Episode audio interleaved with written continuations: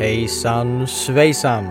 Du har snubblat in på podcasten Samtal i min husbil. I dagens avsnitt får vi lyssna på Lars Sandberg från Uddebo. En man som drömt om att få bli uppfinnare sedan fem års ålder. Uppfinnar-Lars, som faktiskt hellre kallar sig själv för problemlösare, har mer än 40 uppfinningar som patenterats. Varav en uppfinning som finns i alla bilar i hela världen. Lars har bland annat jobbat som torpedmästare i ubåt inom militärtjänsten och fått träffa Jordaniens kung. En kung som körde rally under hemligt namn. Häng med!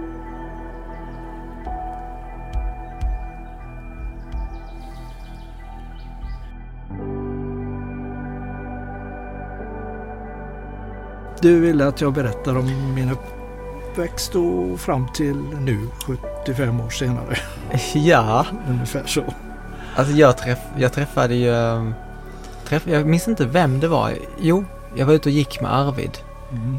Känner du till Arvid? Ja, Vi var ute och gick kollade på eh, hans fält och så gick vi förbi här. Så, så nämnde jag alltså, wow vilket stort hus. Och så sa han att ja men där bor ju Lars och han har ju uppfinnit massa grejer. Och då så blev jag ju nyfiken. Så då så var jag ju på väg att köra hit. Jag tror det var igår. mm. Och precis när jag skulle svänga in, då körde du ut. ja just Så då fick jag ju köra efter dig till eh, återvinningen. Återvinningen, ja, Ja. precis. Och nu så sitter vi här och jag ska få höra på din livshistoria då. Mm.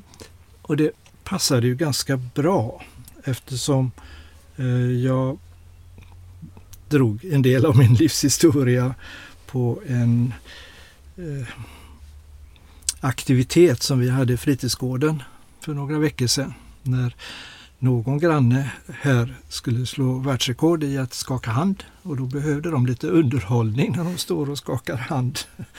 Så då var vi några stycken som eh, skulle berätta om olika saker.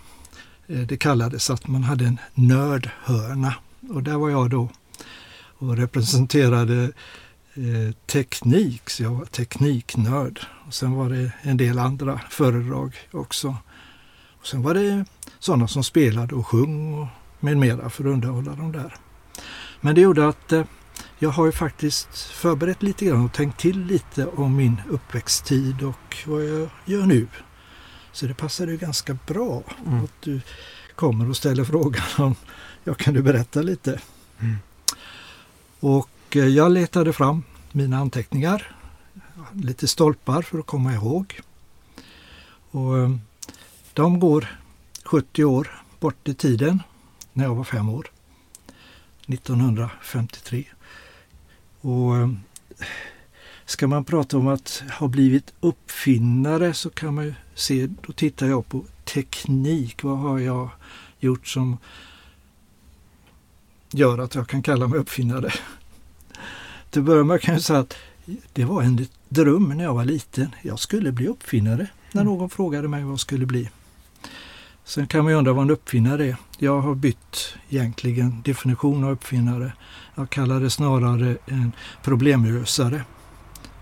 Får jag ett problem så vill jag lösa problemet och ibland blir det att man tar till något som ingen annan har gjort och då blir det en uppfinning. Mm. Men eh, ofta så gäller det bara att liksom komma på hur ska man lösa det här problemet. Vad är det som har gjort att du kanske inte har velat kalla dig för uppfinnare? Det är ju det att jag har jobbat som konstruktör med eh, förberedande utveckling som det heter när jag var på Volvo personvagnar. Och det jobbet är ju som jag hade, det var att komma med nyheter. Mm. Alltså konstruera någonting. Och då blir det liksom, ibland var det så att jag fick ta till något som ingen annan hade gjort. Och där hade vi då en patentavdelning. Och då kommer det någon där och säger, men det där är ju patenterbart. Mm. Kan du berätta lite mer, säger de då. Och så Mm. berättar jag vad det går ut på, min idé om att hur man ska lösa det här problemet. Mm. Och så skriver de ett patentansökan och så kan det bli ett patent. Mm. Och då är det en uppfinning. Mm. Men mitt syfte var ju inte att uppfinna något. Mitt syfte var att lösa ett problem. Mm.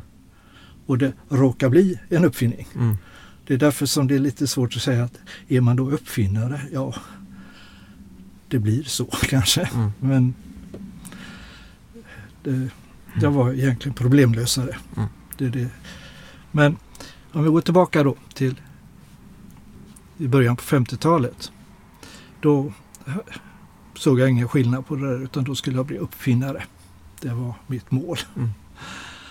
Och Det underlättade lite grann det här när jag fick ett byggsats utav mina föräldrar. Mekano. Det var, kan vi säga att det var dåtidens eh, lego. Ett mekano består av en massa plåtdetaljer med hål i. Och så har man skruvar och axlar och hjul och kugghjul och annat. Och så kan man skruva ihop och så bygga olika saker. Jag byggde kranar, hisskranar av olika slag. Jag byggde bilar. Och till och med att man kan ha det till lite nyttogrejer.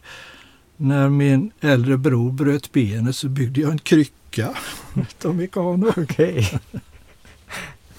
Som han kunde använda? Ja, visst, han använde den när han Oj. hade ont och gick med sitt gipsade ben. Mm. Så ja, det, det visar lite grann att man kan använda sådana här prylar till problemlösning. Mm. Det, det är ingen uppfinning att man gör en krycka men det var ett sätt att lösa ett problem. Mm. Han hade ont och behövde stötta sig och så byggde jag ihop en sån. Jag hade ju delar. Hej! Redigerar Jonas här. Tyvärr så strulade tekniken precis här. Och vi missade hela 20 minuter av Lars uppväxt. Så jag får helt enkelt försöka återberätta en liten bråkdel av det som jag kan minnas att Lars sa. Lars berättade för mig att en dag när han gick på mellanstadiet så kom det en uppfinnare till skolan. Och detta var ju såklart en stor dag för Lars. Denna uppfinnare frågade klassen, tror ni att denna modellbil kan köras framåt med den enda drivkraften att vi blåser luft mot den framifrån? Det var alltså en liten bil utan motor med en stor propeller på. Svar ja, det går, sa uppfinnaren och visade att det gick. Lars blev så inspirerad när han såg bilen röra sig framåt i riktning mot vinden. Att när han kom hem frågade han sina föräldrar samma fråga. Därefter byggde Lars upp en egen prototyp som också skulle kunna köra mot vinden. Gick det? frågade jag. Svar ja, det gick, sa Lars. Lars berättade även att han och hans vänner brukade bygga upp små flygplan som kunde flyga av sig själva. Jag frågade om de beställde hem grejer och de sedan byggde ihop utefter en ritning. Det fanns sånt, sa Lars, men det var ingen sport. Och så skrattade han. De byggde även upp olika raketer som Lars vid ett tillfälle byggde in en liten kamera i. Det här var ju på 60-talet. Så det var ju, kameror var ju inte små vid den tiden så man fick, han fick ju komprimera den på något sätt. Den här bilden togs när fallskärmen på raketen fälldes ut. Alltså att de hade byggt en raket som flög upp i luften och sen när den föll neråt, då har de gjort så att en fallskärm fälldes ut och på grund av det rycket som uppstod så kunde de göra att en bild togs ner mot marken. Och bilden var kanske inte den bästa, sa Lars, men det gick. Och om jag förstod det rätt så var detta vid 12-13 års ålder. Efter gymnasiet så gjorde Lars militärtjänst i ett och ett halvt år där han fick nyttja sin tekniska utbildning från skoltiden i rollen som torpedmästare i en ubåt. Jag tror det var det begreppet han använde sig av, torpedmästare. Ibland var de ute i flera veckor och Lars berättar om den tiden som en oförglömlig tid. Han säger att det fanns en stor respekt bland besättningen gentemot varandra då de visste om att i ubåten måste alla hålla sams. Där fick inte uppstå bråk. Var det inte läskigt att vara i en ubåt? Har många frågat Lars. När ubåten var uppe och snorklade, som det kallas, och vågorna slog mot skrovet, det kunde kännas obehagligt. Men under ytan var det lugnt och stilla. Det var ett litet urval eh, från mitt minne om Lars uppväxt. Så nu hoppar vi in igen och Lars får fortsätta berätta om eh, tiden efter militärtjänsten när han fick börja jobba på Volvo och där hans karriär verkligen fick ta fart som uppfinnare. Sen 1978 så började jag på Volvo personvagnar med på motorutveckling, förberedande utveckling och styrsystem framför allt. Motorstyrsystem. Mm. Jobbade med olika typer utav tändsystem. Ganska praktiskt för det hade jag gjort med, jobbat med på Chalmers. Mm. Så jag hade ju lärt mig ganska mycket där. Eh, på den tiden var ju Volvo personvagnar och AB Volvo, Volvo flygmotor var ju samma företag, samma koncern. Så vi hade provriggar där uppe hos som dåvarande Volvo flygmotor. Så där höll jag på och provade lite olika eh, sätt att få ner bränsleförbrukningen. Okay.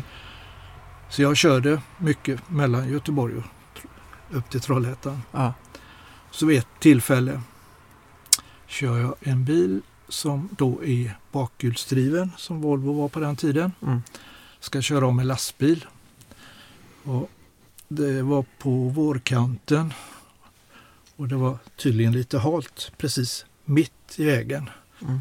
Så när jag ska köra om den här lastbilen så får jag hjulspinn precis när jag passerar den här mittsträngen. Mm. För då gasar man ju lite mer för att komma om. Och en bakhjulsdriven bil åker ju bakändan iväg. Mm. Om man får sladd då? Om man får sladd. Så jag var ganska nära för att köra in i den här lastbilen. Ja. Men ja, som tur var så hann jag undvika det. Men när jag kom tillbaka så tyckte jag så där får ju inte en bil bete sig. Mm. Så eh, jag sa till min dåvarande chef där att jag skulle vilja titta lite närmare på det om man inte kan undvika det på något sätt. Mm.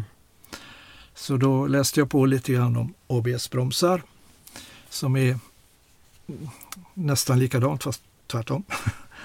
Då ska du, när du bromsar så får inte hjulen låsa sig för då tappar du styrförmågan. Mm. Det här var ju motsatsen. När du accelererar så får inte, vill, vill jag då undvika att hjulen börjar spinna för då tappar du styrförmågan. Just det. Så jag tyckte det måste ju gå. Så jag använde givarna till ABS. Mm. Och så kunde jag mäta hjulhastigheten och så kunde jag se att när man får hjulspinn så snurrar då de drivande hjulen fortare än de icke-drivande hjulen. Mm. Och då ser man, ah, går det över en viss nivå här så kommer du att tappa greppet. Mm. Och då kan man ju sänka effekten på motorn. Mm. Och det var ju det jag höll på med med de här cylinderdeaktiveringen. Så att jag hade en elektroniskt styrd trottel. Och kunde jag också stänga av bränslet i förseln och ändra tändläget på, på motorn. Mm. Så jag byggde upp en prototyp och körde det här. Och det kändes jättebra, fungerade fantastiskt. Mm. Provade på Torslanda gamla flygfält. På den tiden så hade de inte byggt på flygfältet. Mm. Så man kunde köra på startbanan. Och så provade vi lite grann och hällde ut lite grus eller lite vatten och så svänger man och så gasar och kör igenom det här. Mm. Och då börjar ju hjulen spinna om man inte åtgärdade det och Mm. drog ner effekten. Och jag provade, det fungerar jättebra. Kände du då att okej, nu, här har jag hittat någonting? Ja, det kändes rätt bra så att eh, det var till och med så jag, eh, pratade med min chef och han vände sig upp till den högsta chefen, alltså vdn som var Håkan Frisinge på den tiden. Mm. Eh, PG var ju eh, styrelseordförande men Håkan Frisinge var vd. Och han kom och så vi var ute och åkte bil och han tyckte det här var ju jätteroligt. Det var ju Mm. lajbans och det fungerar. Yes, kör vidare. Mm.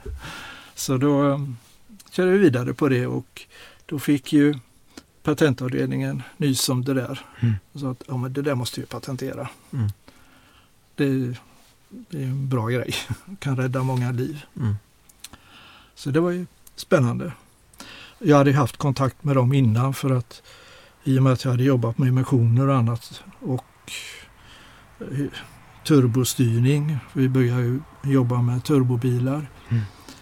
Och eh, där hade de ju sett att det var rätt mycket av det här som jag stoppade in i, i regleringen var patenterbart. Mm. Så därför blev det ett antal patent där så att vi hade rätt mycket kontakt. Mm. Och så blev det patent på det här också. Och det var rätt spännande alltså för det resulterar ju väldigt mycket eh, runt omkring grejer som var roligt. Mm. Eh, vi byggde ett antal sådana här prototyper. Vi lät journalister köra. Mm.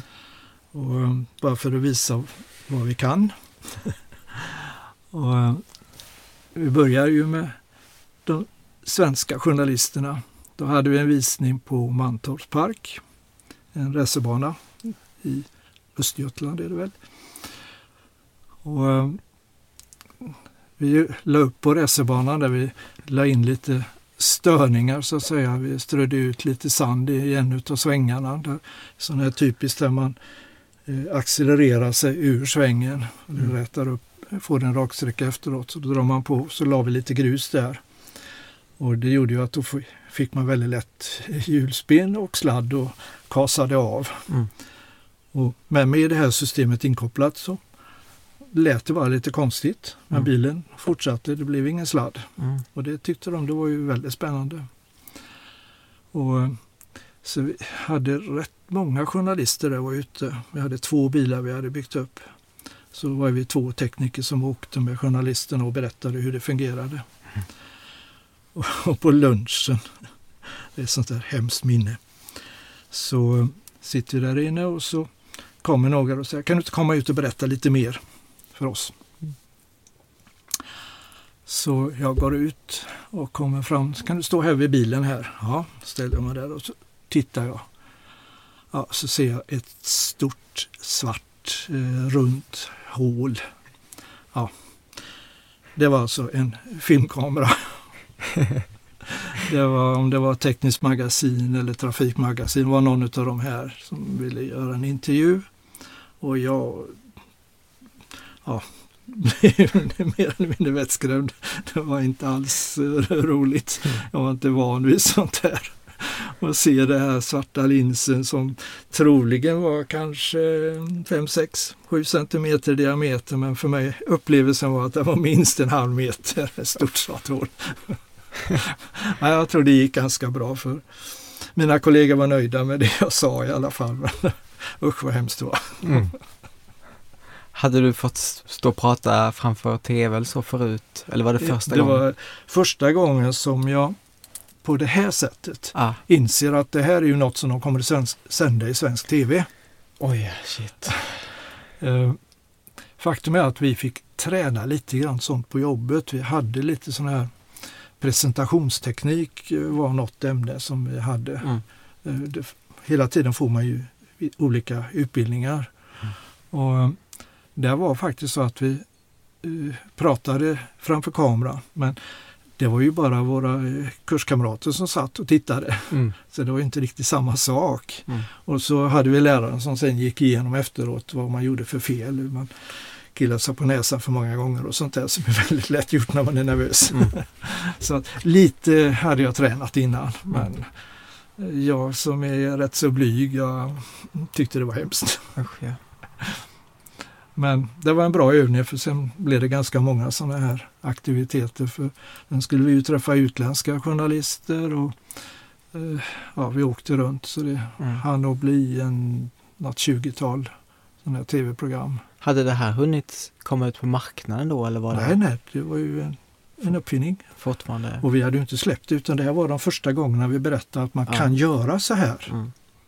Och så hade vi då bara byggt prototyper som Mm. de fick provköra. Vi- Vilka var det som hade patentet då? Ja, det blir ju Volvo och jag. Du och Volvo ja. Ja, Mm. och några av mina kollegor som hjälpte mig. Vi hade några på elektronikavdelningen, jätteduktiga killar där Mm. som byggde elektronikdelar så att vi hjälptes åt. Man måste vara några stycken så man kan bolla idéer fram och tillbaka. Mm. Så att de står med på de här patenten. Men sen har det ju vidareutvecklats och finns väl i stort sett alla nya bilar idag. Mm. Men kom det först bara i Volvos bilar då? Ja, vi var ju först. Ja. Men hur, eh, om Volvo hade patent på det, hur, hur kunde andra bilar också ha det då? Dels är det så här med patent att man byter ofta lite grann. Med, och sen är det ju leverantörerna då som, för det är ju de som ska ha patent. Det är inte biltillverkaren i sig Mm. utan eh, det är de och de kan man då ha lite byteshandel med. Mm. De har patent Okej. som vi går in på. Och de går in på våra. Mm. Och så säger vi att ah, vi processar inte, sparar vi mycket pengar. Mm. Det är ju ingen idé att de processar mot oss och vi proce- processar mot dem. Vad, innebär att processa? Eh, stämma dem för Stämma? ja. patentintrång. Okej, ja. Det kostar mycket pengar. Ja. Advokater och, och sånt där. Och. Så att det blir väldigt mycket byteshandel. Så det, det är bra att ha ett antal patent. Mm. För då eh, gör det ingenting om man naggar och går in i Just någon det. annans patent. För Mm. att de går ju in på de här och så säger man att vi, vi glömmer det här. Ja. Men för ett tag var Volvo ensamma med antisladd. I. Från början. Ja. Men så småningom blir ju de bättre och bättre. Mm. Och de leverantörerna som vi hade då fick ju de bygga in det i sina, i börja, sina styrsystem. I början så hade vi ett separat styrburk som vi stoppade in. Mm. Sen la man över funktionen i de befintliga istället. Då sparar man ju in en burk. Mm. Okej. Och sen började ju de då leverera till andra bilmärken. Mm. För då hade de ju systemet. Och, och då spreds det liksom. Mm. Så la de ofta till funktioner. Så de förbättrade lite grann. Mm. Och vi vill ju ha den förbättrade. Men då äger ju de en del och då kan de lättare gå till andra biltillverkare. Mm. Så det är liksom byteshandel väldigt mycket. Okej. Och uppfinnaren får i princip ingenting. Nej. Det var ju mitt jobb. Ja. Så du fick ingen sådär provision eller något för? Nej. Eh, man får, eller då fick vi en liten summa Ja. per eh, projekt som, eller vad säger, per patent som har gått igenom kunde vi få en liten summa. Mm. Och vi skojar om att ja visst, det räcker till en helafton vid korvståndet. Mhm. Ja, lite mer var det. Men, men det var ingen sån där, eh, man blir inte rik på det eller så. Ja. Sen i och för sig hade jag ju så pass många patent från Volvo så att summan börjar ju bli hyfsad i alla fall. Mm. Som lönetillägg kan man väl säga då snarare. Mm. Inget som man blir rik på. Mm. Och sen hade jag, ja, jag tog, det blev ju ett antal patent även under Chalmers-tiden. Mm. Men det delar jag med professorn och det är ju ingen kommersiell grej. Mm. Som hade han sålt patenten till någon, då hade det ju kommit till oss. Men nu var det i den akademiska världen så är det ju mer att man, det är ett sätt att visa att man är först. Mm. Har du ett patent, ja då var du ju först. Mm. Så att det, det fungerar mer på det sättet. Så Mm. det, det, det ligger inga pengar i det heller. Finns det en stolthet i att vara först med antisladd-systemet? Ja, det tycker jag. Mm. För man, I alla fall för mig, jag vet ju att det här med stor sannolikhet har det räddat ganska många människoliv. Mm. Och det känns ju bra. Mm. Mm. Sen kan ju andra också känna stolthet. Är kanske samma system, de som har vidareutvecklat det. Mm. Men eh, jag var först i alla fall. Mm. Och jag vet att exakt tillfället när jag fick den där sladden mm. på vägen upp till Trollhättan, det var det som utlöste det hela. Mm. Mm. Och, ehm, det här också, som jag sa, det blev ju massa följdeffekter. Eh, både antisladd och sen en annan grej som jag gjorde åt eh, egentligen min eh, dåvarande chef. Eh, det var så att jag, jag skulle iväg på en kurs en vecka. Mm. Och eh, den blev inställd. Och så sa jag till min chef då att eh, hm, jag har fått en extra vecka här nu som jag är ledig. Mm. har du något som du vill att jag ska göra? Och då säger han så här att ja, jag har en sån här gammal idé som jag skulle vilja titta närmare på. Mm. Jag har hört så mycket om vatteninsprutning till motorer. Eh, det används i flyg, alltså mindre flygplan på hög höjd, alltså i, när de flygfälten ligger väldigt högt. Mm. Så kan man ha lite vatteninsprutning för att kunna höja effekten, för att kunna starta på hög höjd. Man har ofta lägre effekt på hög höjd. Mm. Så han sa, kan du inte titta på det där lite grann om, man, om vi kan utnyttja det i bilar på något sätt? Och det var en vecka. Mm. Oj ja. ja. Så jag ägnade väl kanske en, en och en halv dag åt att bara läsa på. Mm. På vad andra hade gjort. Och sen började jag skissa på någonting. Tog jag kanske en halv, en dag. Mm. Och sen så gick jag till verkstaden och så frågade kan ni eh, göra någon sån här grej? Mm. De byggde ihop det. På fredagen hade vi en motor med vatteninsprutning. Okay. på en vecka. Eh, det vi gjorde egentligen det var, jag kunde se på den tiden så var det ju eh, B18, B20 och de här motorerna Mm. Var, nej, det var nog B21. Det hade vi nog kört på. Det var B21. Mm. Men vi hade olika bränslesystem till de här B21. Mm. Det, det, är en väldigt känd motor på Volvo. Mm. och, um, vi hade både en mekanisk insprutning som heter Kojetronic och vi hade eh, en elektronisk insprutning den ena av de här hade insprutningsventilerna sittande i cylinderhuvudet. Det andra systemet hade det i insugningsröret. Mm. Så genom att ha cylinderhuvudet för det ena systemet och insugningsröret för det andra systemet så fick jag plötsligt dubbla spridare. Okay. Och då kunde jag köra med bränslet i den ena och så sprutade jag vatten med det andra systemet. Mm. Och så provade vi det i en eh, motorrigg och det fungerade väldigt bra. Mm. Vi kunde alltså höja effekten. Okej, det var det det gav? Att ja. man kunde höja effekten? Ja, precis.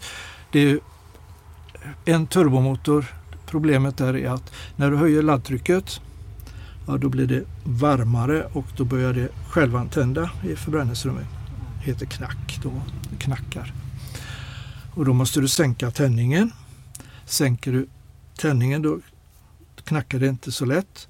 Men avgaserna blir väldigt varma. Men så att det finns en gräns där du kan inte höja laddtrycket mer. Du kan alltså inte höja effekten mer för det blir för varmt och det kommer att knacka.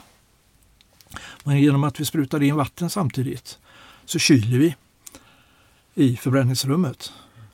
Och på så sätt så kunde vi alltså ladda mera, stoppa in mer luft och bränsle utan att det börjar självantända. Och då kunde vi ta ut mer effekt.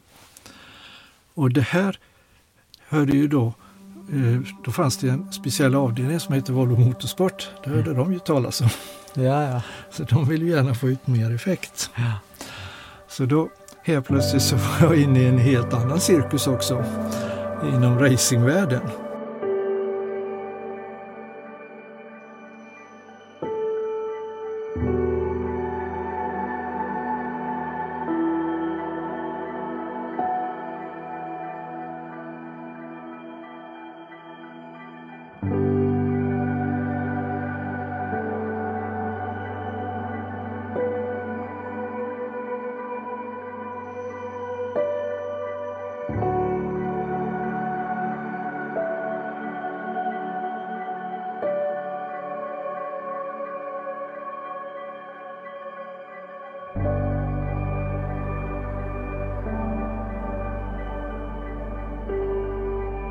De skulle börja köra banracing. Det har de inte gjort innan. De hade kört rallycross och varit väldigt framgångsrika. Jag tror de blev Europamästare. Då skulle man köra banracing. Och målet var ju självklart att bli Europamästare så småningom. Eh, gick inte så det jättebra i början.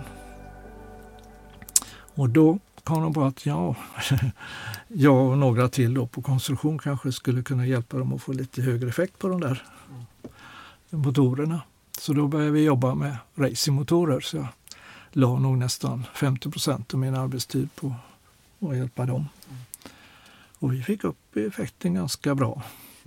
Mm. hade några missar i början. Om elektroniken la av så om inte vattnet gick in som det skulle så knackade det ju sönder för nu hade vi höjt laddtrycket så mycket. Men det började gå rätt bra och man blev Europamästare så småningom. Så att, eh, då var man nöjd. Men, vad häftigt. Så, var det, var det också, blev det också patenterat? Ja, det blev också patenterat. Ja, såklart. Så det var ju roligt och sen provade vi faktiskt även att stå, göra stabilitetsreglering i racerbilar. Och det var ju väldigt kul. Mm. um, tyvärr körde vi aldrig någon banracing med det.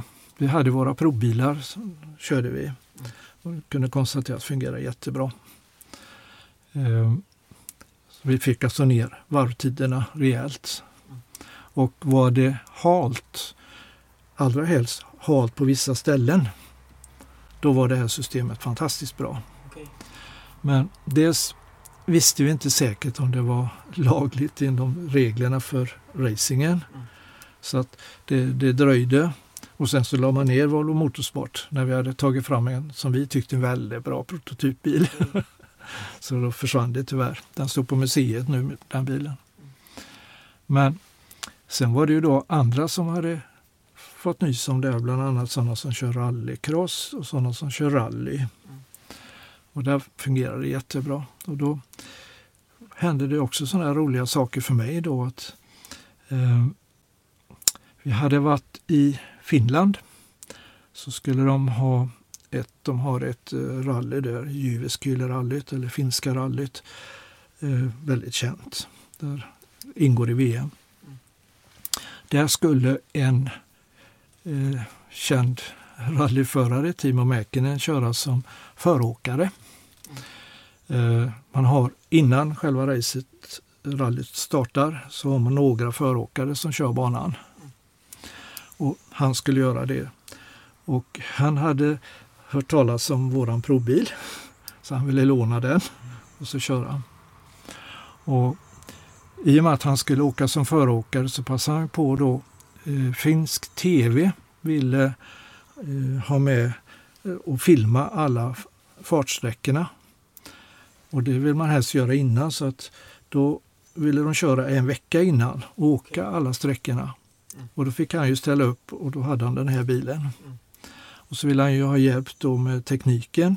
Så då fick jag åka över och titta på tekniken på den här och hjälpa till och berätta om vad det var.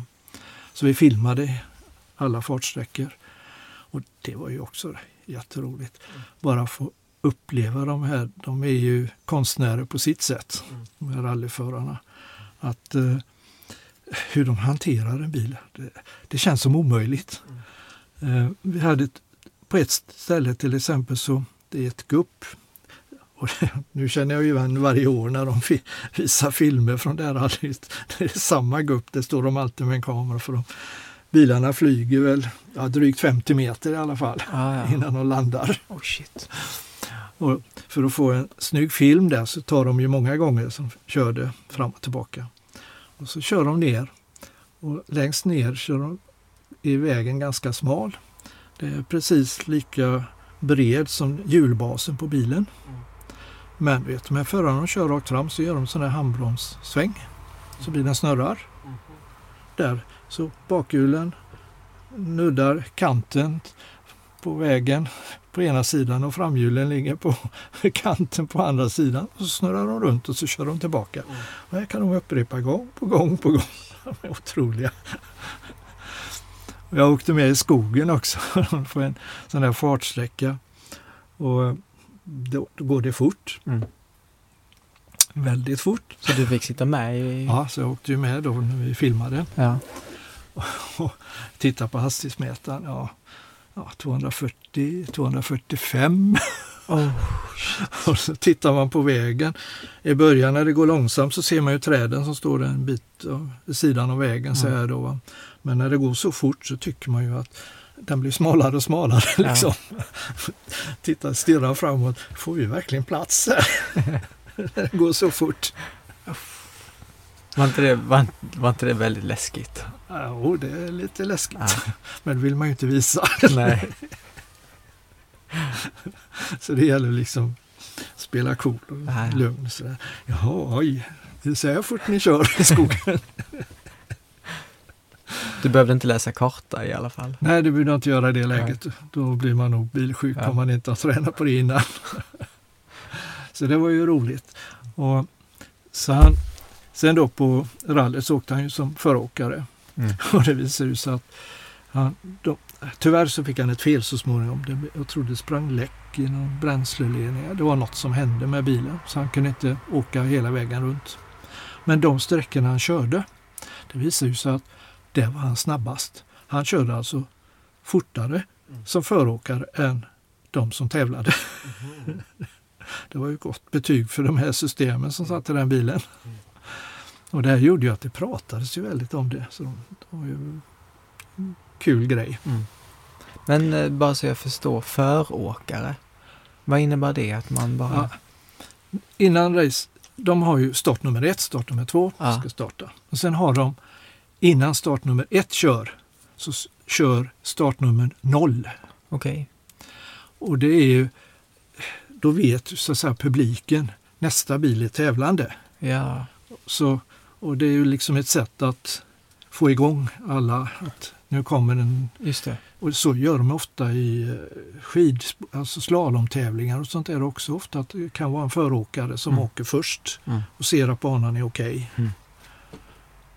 Och så får han ju rapportera om det är något tokigt. Mm. Men det gick alltså väldigt fort. Ja. Och sen en kul grej på det här då att de pratar om ju om det här. Det blir ju lite sensation och naturligtvis tv pratar om det och Mm. sådär. En, en eller det var några veckor senare så skulle kung Hussein av Jordanien, eh, han lever inte längre, Mm. han skulle besöka Finland och finska presidenten. Mm.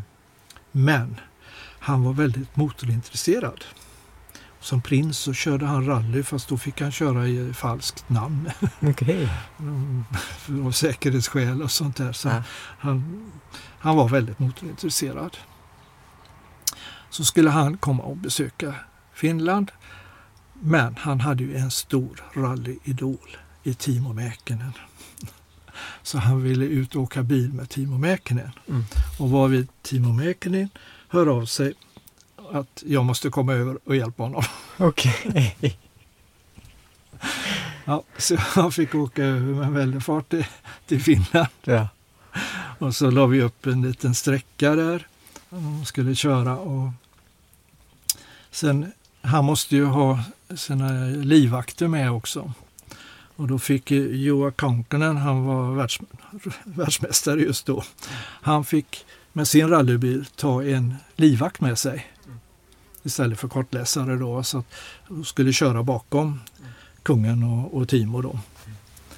Och så var det bestämt en klockslag de skulle komma och det kommer de då. Och eh, det börjar med att Timo ska köra och, och visa kungen där hur, hur det går till. Och, eh, de, och så står då Joa med en, en av säkerhetsvakterna i bilen, eh, de- livvakterna. Även finska Säpo är där och gick igenom våra fickor och så där innan. Okej. Men, eh, och så kör de iväg. Så har de radiokommunikation. Och det roliga var sen, det kan ju vi höra, för det hör ju de här andra säkerhetsvakterna som står där vi står vid starten. Mm. Och så ropar Joa Kankkonen då, ta det lugnt, jag hänger inte med, Okej. säger då världsmästaren i rally i sin tävlingsbil. Så det gick ganska fort det. Ja. Och den gick bra den där bilen alltså. Mm. Och, um, Sen, och så, det roliga när han ropar ut det här och så de här säkerhetsvakterna så säger de, då tittar de på varandra och säger någonting liksom så här att ja, här riskerar vi våra liv för att, att vakta kungen. Och så kör han ihjäl sig säkert. Ja. Men det gjorde han inte. Nej. Han kom tillbaka helskinnad.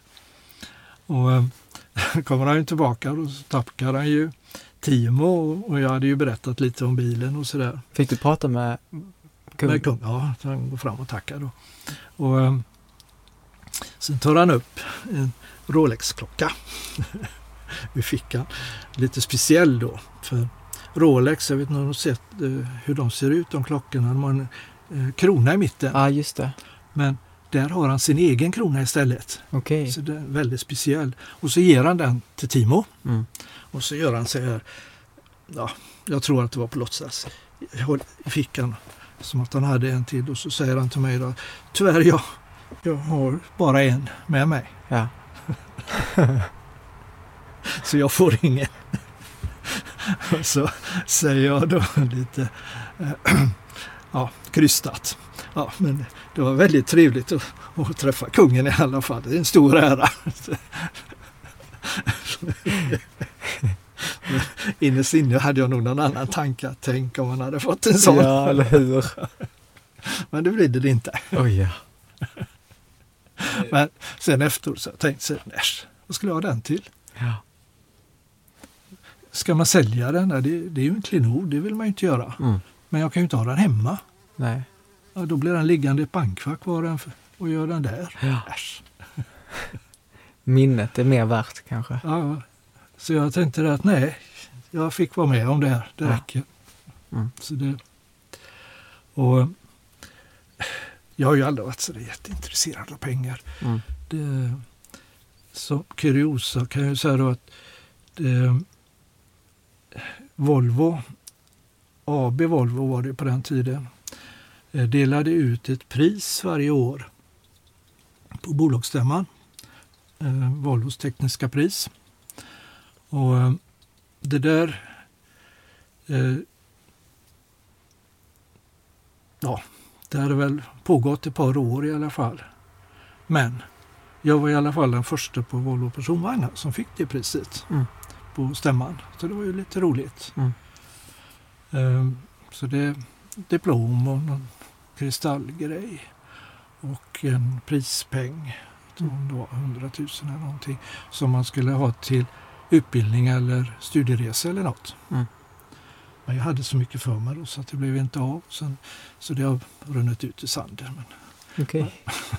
Du använder inte ens dem? nej, Nej. det blev inte, det passade inte riktigt så. så det, hade så mycket annat att göra och resor. Jag åkte så mycket ändå med jobbet så det var ganska ointressant. Ja. Det, det drabbar ju bara familjen om man ger mig ut. Och frågan var om jag kunde ta med dem eller någonting så här. Mm. Så det är samma sak där att ja, ja, det har runnit ut i sanden men sen då. Mm. Numera har jag ju blivit pensionär. Mm. Jag gick i pension ganska tidigt. Jag var 58 och skulle strax fylla 59. Mm. Det var ju så att då drog vi ner väldigt mycket personal på Volvo, personvagnar. Och, um, först hade vi avskedat folk. Det är jättetråkigt, hemskt. Um, jag var ju inblandad i att säga upp folk och det, det, det är inget roligt. Sen skulle man göra ett nytt, en ny omgång och sänka ännu mer i personalstyrkan. Men då kom man på ett annat upplägg. Dels så skulle man utnyttja en pensionsfond som fanns i USA, för nu hade Ford kört upp Volvo. Mhm. Och det visade sig att det fanns en jättefond i, inom Ford. Och då sa man att eh, då vänder man sig till äldre istället. Gå i pension lite tidigare istället. Och så tar man ut pengarna från den här fonden. Okej. Och då drabbar det inte resultatet för Volvo personvagnar. Ja. Det drabbar Ford möjligen. Eller ja, en fond som man plockar pengar från. Ja. Så att då vände man på det så då gjorde man pensionspaket istället utav det. Och så delade man ut till olika avdelningar att man fick söka ett sånt här paket. Mm. Och vi fick två paket till vår avdelning. Så avdelningschefen och jag vi sökte på det. jag var sektionschef på den tiden. Och, um, så vi, fick de här i alla fall. Så då gick vi i pension. Mm. Och då hade jag inte fyllt 59 utan jag var 58 så det, jag gick ganska tidigt. Och då betalade den här fonden min lön, för, eller delar av den i alla fall, fram till få vanlig pension. Mm. Som försvann det då. Och då kunde jag, hade jag ju mellantid där. Som, eh, man förbrukar mindre pengar när man är pensionär. Eh, det går ju åt till resor och man äter på jobbet, det kostar mer och sådär. Jag minns inte om det var 60-70 procent av lönen eller någonting sånt där vi fick. Mm. Det var väldigt förmånligt tyckte jag. Ja, verkligen. Och då fick jag ju lite mer tid att vara här i Uddebo. Det är ju fritidshus det här egentligen. Mm. Det är inte riktigt i skick för att bo året runt. När vi köpte det så hade det stått öde i 20 år. Oj. Så det var mm, väldigt nedgånget. Hur länge sedan var det ni köpte Ja, det det? var ju mitten på 80-talet. Oj, så det har haft det så länge. Ehm, Men första sommaren, kommer jag ihåg, då fick jag verkligen lära mig att eh, byta fönster och kitta. Jag bytte 47 fönster som var sönderslagna. I början, de första jag gjorde såg inte vackra ut. Mm. Men det blir bättre och bättre när man lär sig. Mm. Det är alltid roligt att lära sig någonting nytt. Mm. Eh, Så att eh, det gick successivt. Vi var egentligen ute och letade efter ett torp. Men eh, så var det en kompis till min fru som bor när- Min fru är uppvuxen i trakten. Mm. Och, som tipsade om det här. För att de hade cyklat här när de var små, de här, Mm. när de var små tjejer. Så hade de sagt till varandra att det där huset, det ska vi köpa när vi blir stora. Din fru och hennes kompis. Ja, Ja. när de var små alltså. Ja. Det, du vet, tjejer som fantiserar och drömmer och sådär. Och sen någon gång när vi var och hälsade på den här kompisen så sa hon till min fru, du Elisabeth, vårat, så gjorde en sån här tecken då, att vårat hus är till salu. Ska vi åka och titta? och så åkte vi hit och sa, oj, ja, vi är ju egentligen ute efter ett torp. Mm. Det är det vi ska köpa. Och det här är ju väldigt stort också. Det är lite stort för att vara torp. Totalytan är 740 kvadratmeter. Oj, Så, oj, oj, oj. och, Min husbil är sju kvadratmeter. så ja, jag, tänkte det. Så jag tog hit min bror också. Han hade precis byggt ett hus till sig uppe i Upplands Väsby där han bor. Och, ehm, så tänkte, han kan ju lite grann av det här. Mm. Så vi gick runt här. Och så kommer man in i ett rum och så tittar han då att ja, ja, lite nya tapeter och så får du dra om elkablarna där. De är inte så bra och sådär. Men sen blir det nog ganska bra. Mm. Och så går vi till nästa rum. Och så säger han likadant. Mm. Och så går vi till nästa rum. Och så säger han likadant. Och sen, ja, så småningom så inser han att ah, det är nog inte så bara längre. Nej, för det var många rum. Hur Alltså, många rum är det då? ja, det är en definitionssak. Men 18-19 rum eller något sånt Oj. där man kunna säga. Så det, det finns plats. Mm. Så han insåg att ja, det, är det är en del jobb. Mm. Men så hittade vi två rum. De var ganska fina. Eh, behövde inte göra någonting, bara städa ur så kunde vi vara där. Så sa vi det att ja, ja, men vi, det är ju fritidshus. De två rummen, de får bli våra torp. Mm. Och så tar vi det andra successivt och rensar ut. Det har ju varit massa kakelugnar i huset som eh, blev stulna när det stod öde. Det var ju sådana väldigt fina utsmyckade grejer. Och, eh, det som blir kvar när de har tagit porslinet är ju teglet inuti. Låg då i en stor hög i varje rum. Så det blir ju väldigt många turer till återvinningen och, och tippen med massa tegel och skrot Mm. innan vi fick röjt. Så det tog successivt och som fritidshus behöver man ju inte ha det perfekt. Nej. Och det har det ju aldrig varit efter det heller. Och nu är det sämre. Det, jag målade ju om huset och bytte fönster och gjorde ganska så snyggt. Men nu har det gått ett antal år. De senaste åren har vi inte underhållit för min fru blev dålig för några år sedan. Och gick på cellgifter och så här och då eh, måste hon till sjukhuset Sahlgrenska två gånger i veckan.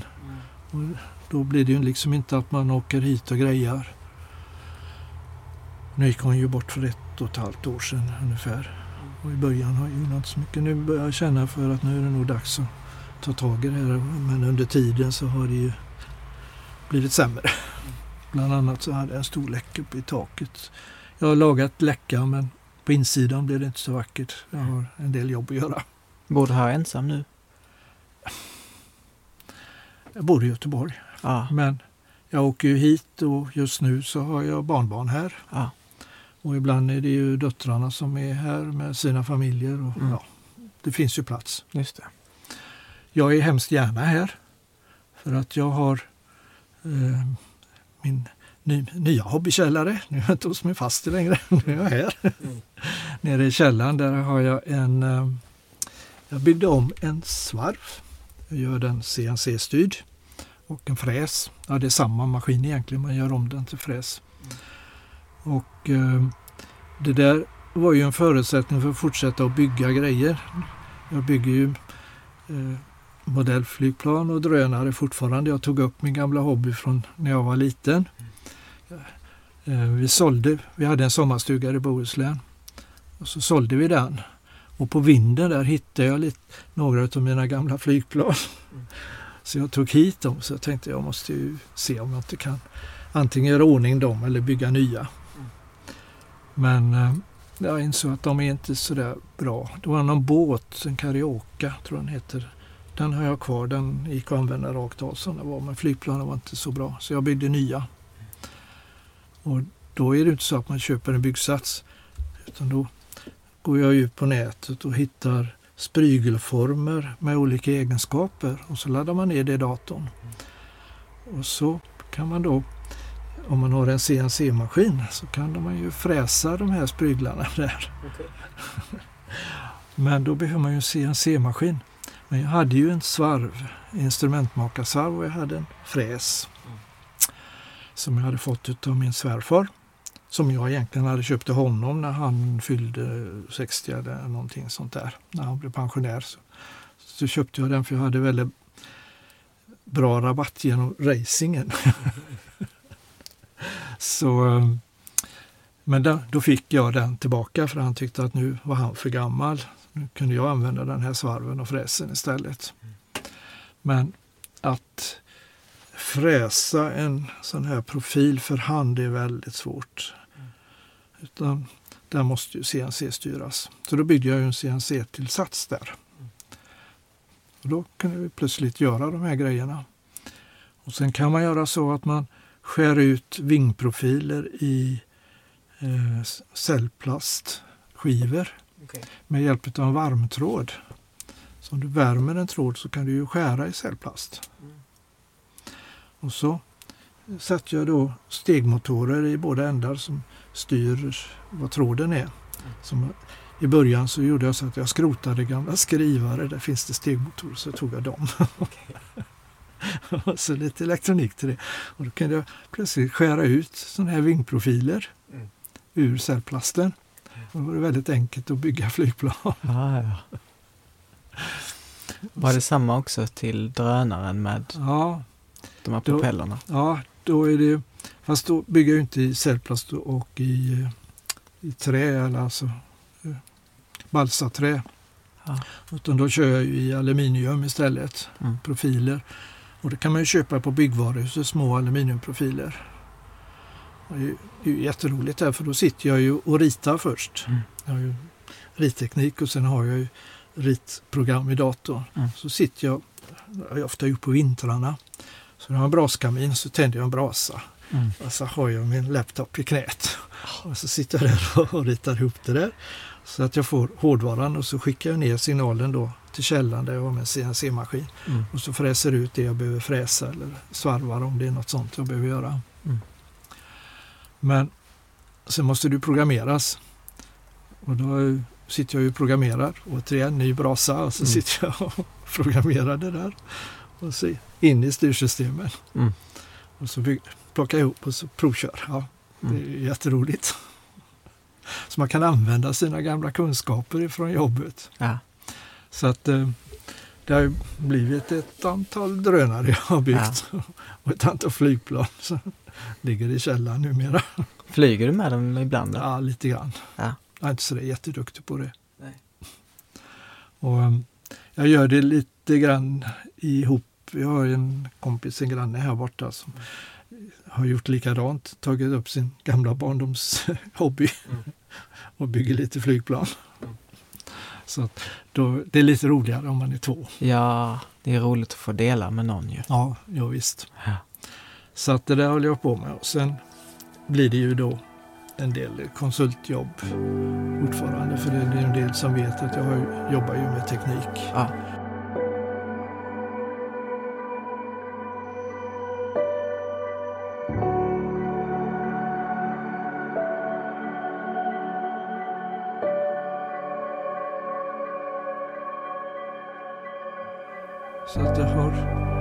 Hade tittat på det där med mitt namn och sökt. Jag har inte gjort det någon gång i sådana här patentdatabaser. Det är i alla fall över 40, någonstans mellan 40 och 50 patent har det blivit genom åren. Mm.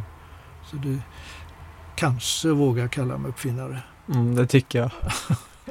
har, du fått, har du sålt något patent? Nej, Nej, jag gör inte det för att tjäna pengar. Nej. Jag gör det för att det är roligt. precis.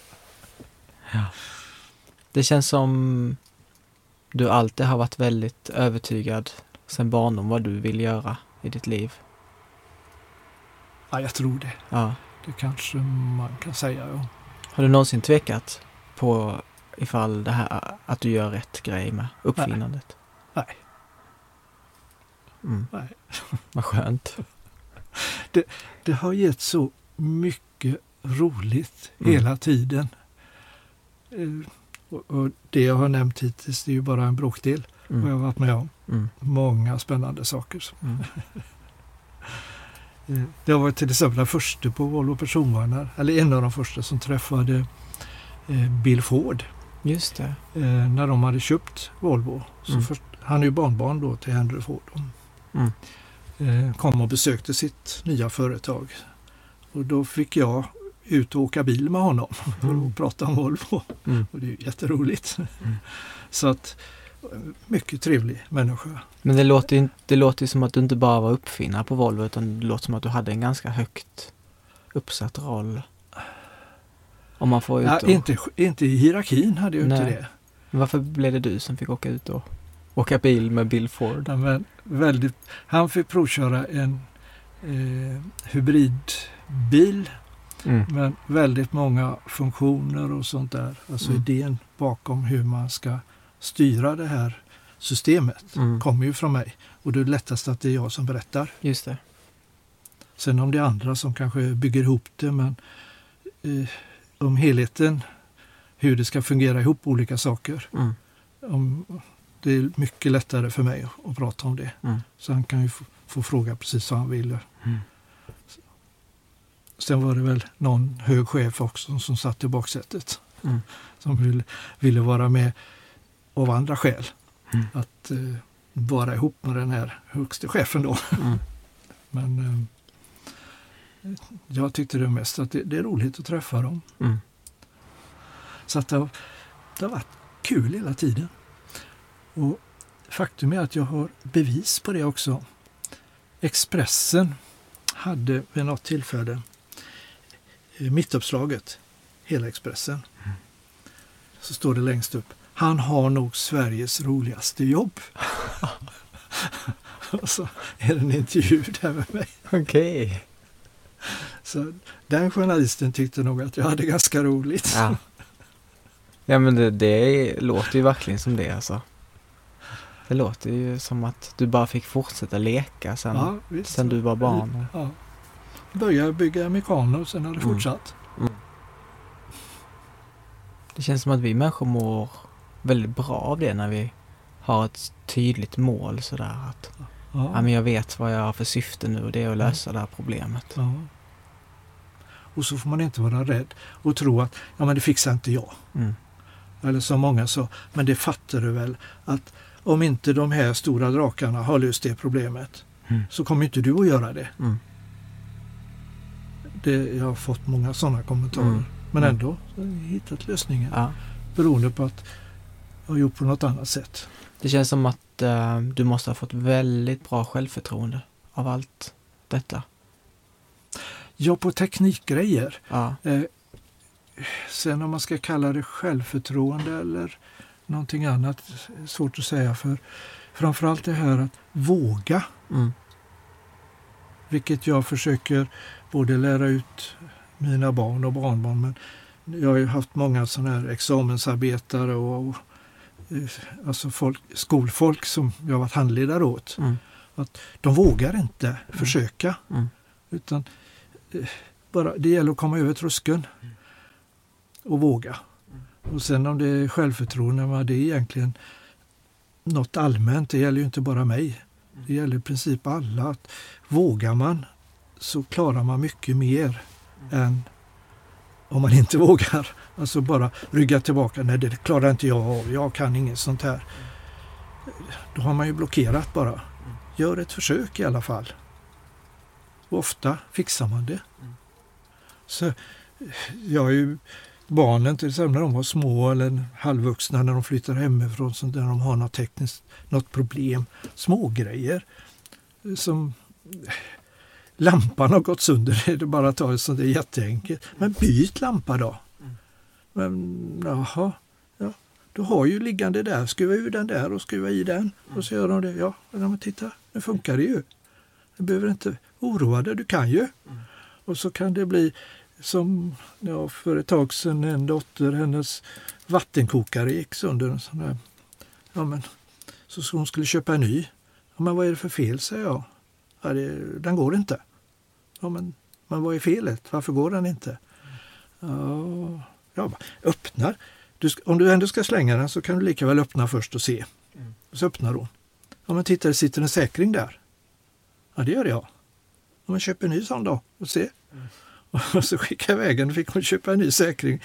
Ja, men den ju lödas. Ja, ja, köpte en lödkolv och löd in då. Alltså, efter att hon har flyttat hemifrån. Jag tycker hon ska klara sig själv. Så löder hon in den. Ja, men titta nu fungerar den. Och sen har hon haft den i många år efter det. Så det gäller bara att våga. Man fixar det alltså. Ofta. Och så är det med allting egentligen. Hon kom med en, jag har en liten moped, en sån där pytteliten motorcykel som de skulle skrota. Och så fick något barnbarn den. Så den funkar ju ändå inte. Ja, men då kör vi igång den. Vi gör rent och så ja, då jag hittade någon kabel som var sönder och bara laga. Och sen funkar det ju. Mm. Svårare än så är det ju inte. Våga, det är det som är grejen. Det svåra är väl att, att börja. Ja, När man inte har, när man första känner, trappsteget där. för det kan jag känna med motor. Jag har ju väldigt dålig koll på motorer och så. Med husbilen speciellt då. att Jag skulle vilja kunna mer men jag vet inte var jag ska börja liksom. Ofta är det ju logiskt tänkande. Ja. Nu är det ju en förmåga att man ska kunna tänka logiskt, alltså se eh, följd av liksom det här, vad kan det ha orsakats av? Eh, Det går ingen ström igenom. Ja, var kommer strömmen ifrån? Finns det ström i andra ändan? Eh, Mät, ja. Finns det där? Nej. Ja, men då är ju felet däremellan. Börja leta där då. Men de flesta säger, nej men jag kan ju inte det. Men det kan man om man tar det logiskt, steg för steg, små steg. Så hittar man det. Jag har inte varit med om någon gång att någon kommer med en motor som inte går att starta, att vi inte har hittat det. Det är frågan om tid och logik. Alltså jobba systematiskt, så fixar man det. Så det, det, kunskapen egentligen är inte... Ja, du bygger ju upp en kunskap. Du känner ju igen felen. Om du har sett dem innan så är det mycket enklare självklart. Men det är mera sättet att jobba som är det viktiga. Och våga jobba efter det. Tro att man kan nog hitta det. Istället för att säga, nej men det här, jag har ju ingen aning om vad detta är för något. Då löser man det garanterat inte. Men eh, som sagt, det, så det, om man ska kalla det självförtroende, det är väl delvis att våga prova. Våga lita på sig själv. Så det har jag väl vågat då. Uppenbarligen. och inte gå på det där när de säger ja men du fattar ju. Om det går att lösa så hade ju någon redan gjort det. Mm. Det behöver inte vara så. Det fin- I så fall skulle ju världen stå still och inte komma på något nytt. Eller hur? Och om du tittar på uppfinningar, väldigt många, så hur de har kommit till. Så är det inte det att det är enorm forskning som ligger bakom med massa dyra instrument och grejer. Stora företag och sånt. Väldigt mycket är någon som har fått en idé bara. Mm. På ganska på mycket elementär, låg nivå alltså. Mm. Vem som helst. Mm. Så det är, ja. Sen har jag ju gått skola många år så det är klart något har jag väl lärt mig. Mm. Mm. Jag ska börja... Jag, jag vill ju ha en gård och bygga upp mitt eget hus i framtiden. Och jag känner väl att det är lite svårt att bara börja sådär utan någon förkunskap. Så jag ska gå ett år eh, husbyggarlinje. Jag tror det bara det räcker liksom. Ja. Sånt där. För det är som sagt, det är ditt självförtroende som ökar då. Mm. Du vet att nu har du lite utbildning, nu vågar du. Precis.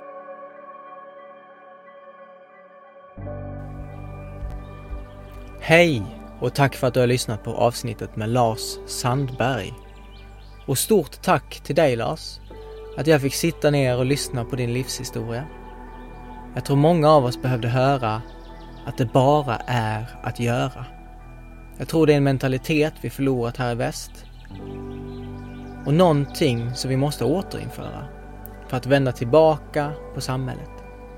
Kanske är det så att EU och FN med sin Agenda 2030 inte är de som kommer att rädda människan från den undergång som tycks förutspås. Utan vändningen kanske först kan ske när vi människor istället för att slänga vattenkokaren byter säkringen och löder ihop kabeln själv. Jag fick återigen påminnas om vilken kunskap och visdom som finns hos de äldre i samhället.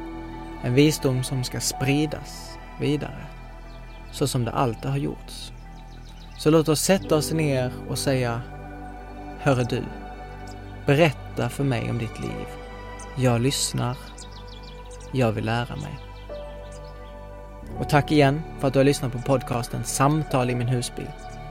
Om du gillar det jag gör så kan man alltid swisha valfri summa till 0722-0521 22 och sprid vidare podden, avsnittet om du tyckte om det. Berätta för någon. Ring till morsan, farsan, vännen så um, kan jag få nå ut till fler människor. Tack och adjö.